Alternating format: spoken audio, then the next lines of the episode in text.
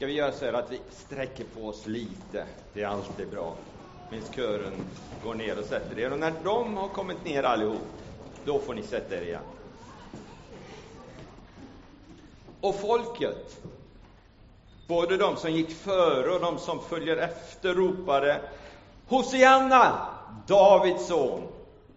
Välsignade han som kommer i Herrens namn. Hosianna i höjden. Hosianna, det är ett av de ord i Bibeln som inte är översatt. Abba, Amen och så vidare. Hosianna, det betyder egentligen rädda oss eller kom med hjälp. Rädda oss, för det finns en orsak till det hela. Och Det betyder att det egentligen är en akut situation. Man skulle kunna tänka sig ungefär så här. En hebré, en hebreisktalande person, är ute första advent. Isen har lagt sig och han går där på morgonen och njuter av tillvaron. Tittar ner genom den klara isen som visar att det simmar fiskar där nere och han går och han glömmer omständigheterna och han går och han går. Och rätt som det är så händer det som inte får hända. Isen brister. Och vad gör han? Han ropar Hosianna, Hosianna! Vilket betyder Rädda mig! Jag behöver en förändring. Det är en akut situation.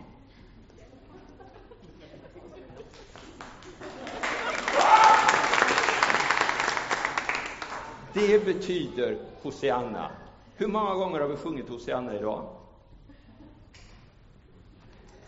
Varje gång du har sjungit Hosianna så har du sagt Rädda mig. Kom till min hjälp. Situationen är akut. Jag kommer att flytta mig härifrån och landa där borta till slut. Det blir en liten exposé över några bibeltexter på adventstemat. Nästa text, det var den som Hans läste. Portar, öppna er vida, höjer uråldriga dörrar.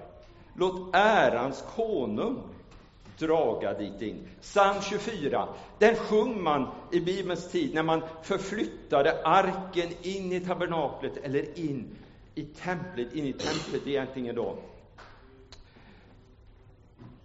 I arken, en eh, trälåda, 1,20 lång, 72 cm bred, gjord i akaciträ, helt övertragen med guld. fanns tre saker. Stentavlorna, där Mose hade fått buden nedskrivna, en kruka med manna från öknen och Arons stav som han hade haft och fightats med, och den hade grönskat. Eh, arken, det var alltså uttrycket för Guds närvaro i templet. När arken fördes in, då kom Gud, och ytterst bilden på Jesus Kristus, in i templet, in i det allra heligaste. Därför säger de, slå upp dörrarna på vid gavel, höj upp de gamla dörrarna, ge plats, för nu kommer Gud och ska in i templet. I vår tid så är det ju så att det är inte kyrkan som är templet. Det är inte Philadelphias lokal som är templet. Så när vi kommer att prata om renovering så är det här inte en särskilt helig byggnad. Det är vanlig sten, vanligt gammalt plastgolv, vanliga gamla bänkar. Det är inget heligt i det. Nutidens tempel, det är mitt och ditt hjärta. Det är min och din kropp. Det är heligt. Det är fantastiskt. Och när Gud då kommer så behöver du och jag göra precis som det sades i salmen. Vi behöver öppna vårt hjärtas dörr.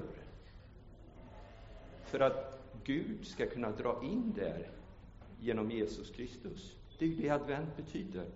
Herrens ankomst. Gud kommer till mig och dig. Dörren till mitt innersta, till mina känslor, till mina tankar, till min personlighet. till mina dåliga sidor, de som jag gärna döljer och lägger allra längst in. Dit behöver jag öppna dörren. Och min övertygelse är att det hjärtats rum, det finns hos oss allesammans. Och på något sätt så fyller vi detta hjärtas rum. Det är aldrig, aldrig tomt. Det är alltid fyllt med något. Herren, advent, Herrens ankomst för att fylla mitt hjärtas rum. Då tänkte jag tre dimensioner på hur hjärtats rum behöver fyllas. Tre dimensioner. Den första, det är förlåtelse. Det finns alltid en första gång då jag medvetet gör som man gjorde i templet, ställer dörren på vid gavel och säger Jesus Kristus, du är välkommen in med din närvaro i mitt innersta rum. Advent, ankomst, hans ankomst, inte för egen skull, utan för min skull. Jesus kom inte för att han ville ha en semestertripp till jorden och se hur det stod till. Han hade full koll på jorden. Gud hade full koll på jorden, även om vi trodde att vi hade gjort uppror genom synden. Han kom för min skull och för din skull. Den här dörren, den är ju en historia i sig själv. Det här är våran boddörr till trädgårdsbon. Där vi har spadar och gräsklippare och så vidare. Jag skruvade ner den igår och tänkte jag behöver en dörr så jag tar den. Så är det inte. Så är det inte. Utan den här trädgårdsbon, den fick jag för mig förra året, tror jag att jag skulle renovera. För jag tyckte det var lite ruttet på framsidan. Och så fattades en sockel. Det är från början ett gammalt garage som ombyggt till trädgårdsbord. Så jag göt en sockel då, stämpade upp ena väggen, göt en sockel. Och så fick det stå över vintern. Så nu i somras någon gång så tänkte jag, jag får väl ta tag i det där då. Så jag spikade ihop några takstolar, la på ett nytt tak. För jag tänkte, det är ju bara lite grann på framsidan som är ruttet. Och det är ju lätt att byta den panelen. Så när jag spikade på det nya taket och takstolarna det, så åkte jag och köpte panel, kapade den i rätt längd, målade upp panelen och så skulle jag spika fast panelen och då fick jag riva bort den gamla panelen. Och då upptäcker jag att allting är ju ruttet liksom underifrån som inte syntes när jag tog brädorna. Så, ja, det var ju bara att byta alltihop. Så det slutar med följande, att det finns en bärlina på en långsida som är den gamla bok. Allt annat är bytt. Och allt är bytt i fel ordning. Är ni med? Så jag har bilder hemma när jag har nytt tak men inga väggar på huset. Och så har jag ställt två stämpor i det och så håller på att sätta in de nya väggarna. Och den här dörren, den är ju inte så vacker längre. Du ser, färgen släpper.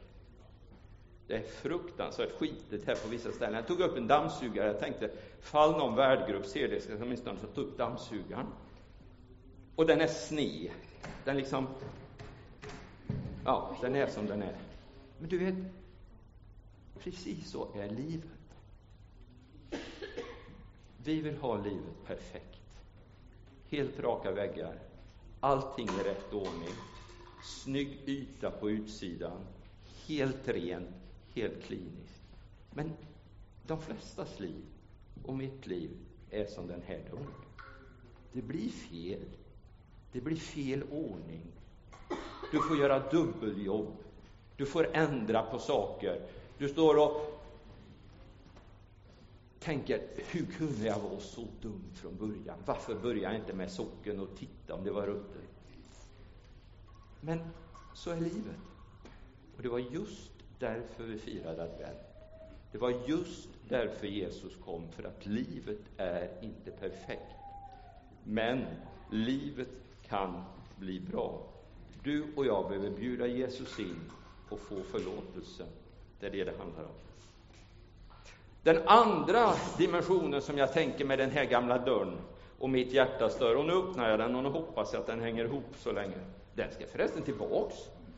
Jag ska bara måla upp den nästa vecka, ska jag sätta tillbaks den. Det är lugnt. Förlåtelse nummer två är förvandling. Mitt hjärtas dörr behöver ständigt, ständigt, ständigt stå på vid gavel för Jesus Kristus, för förvandlingen, förändringen av mitt liv, mitt hjärtas rum. Egentligen behöver jag varje dag ropa gång på gång Hosianna, kom och fräls mig! När avundsjukan tar över, att de andra har större framgång än mig och bitterheten smyger sig på och jag tycker att det blir inte som jag har tänkt. När egoismen säger att nu har jag gjort mitt, nu får åtminstone de andra ta över. Eller när girigheten griper mig och jag tänker, jag ska minsann bli miljonär jag också. Arrogansen, självgodheten och så vidare. Jesus kom för att förvandla det, men då behöver min hjärtas dörr stå på vidgavel hela tiden. Så det istället flödar ut kärlek, glädje, frid, tålamod, återhållsamhet, vänlighet, trofasthet, godhet, ödmjukhet, självbehärskning, tro och så vidare. Ställ dörren på vid gavel. Tredje förväntan då.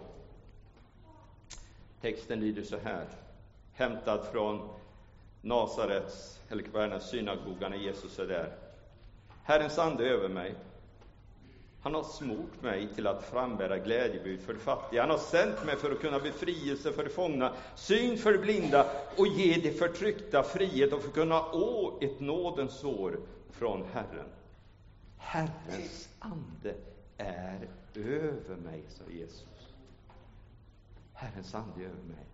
Du behöver inte vallfärda till Jerusalem för att möjligen få se arken. Och det är ingen idé, för de tappade bort den för 500-600 år sedan. Det är ingen som vet var den är. Den tiden är förbi. Herren har kommit. Ditt hjärtas dörr står öppen. Guds ande finns i ditt inre. Varje dag. Och kan du tänka dig att den här kroppen är templet för Gud? Det är den här kroppen och din kropp som bär och berättar om vem Gud är för alla människor. Det är den som är överdragen med guld. Det är där som budorden förvaras, inte skrivna på sten, utan skrivna på hjärtat, säger Bibeln. Därför kom Jesus. Därför firar vi advent.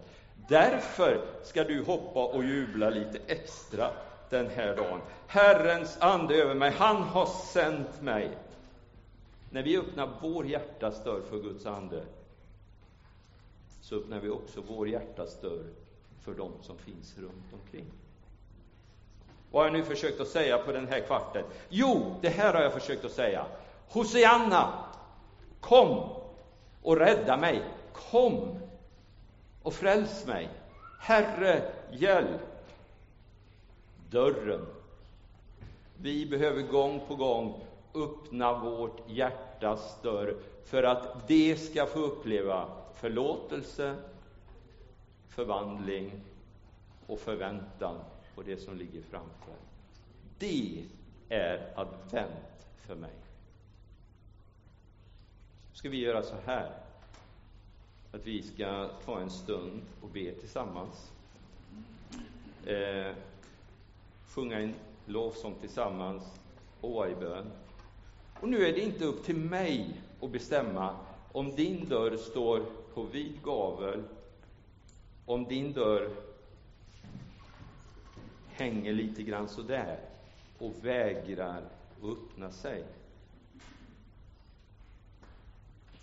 När jag funderar lite grann på den här gudstjänsten så funderar jag på min egen väg till att försöka att hålla dörren öppen. Och egentligen första gången och då upptäcker jag att den resan är inte så här, utan den resan sträcker sig över ett antal år, när jag tittar tillbaks.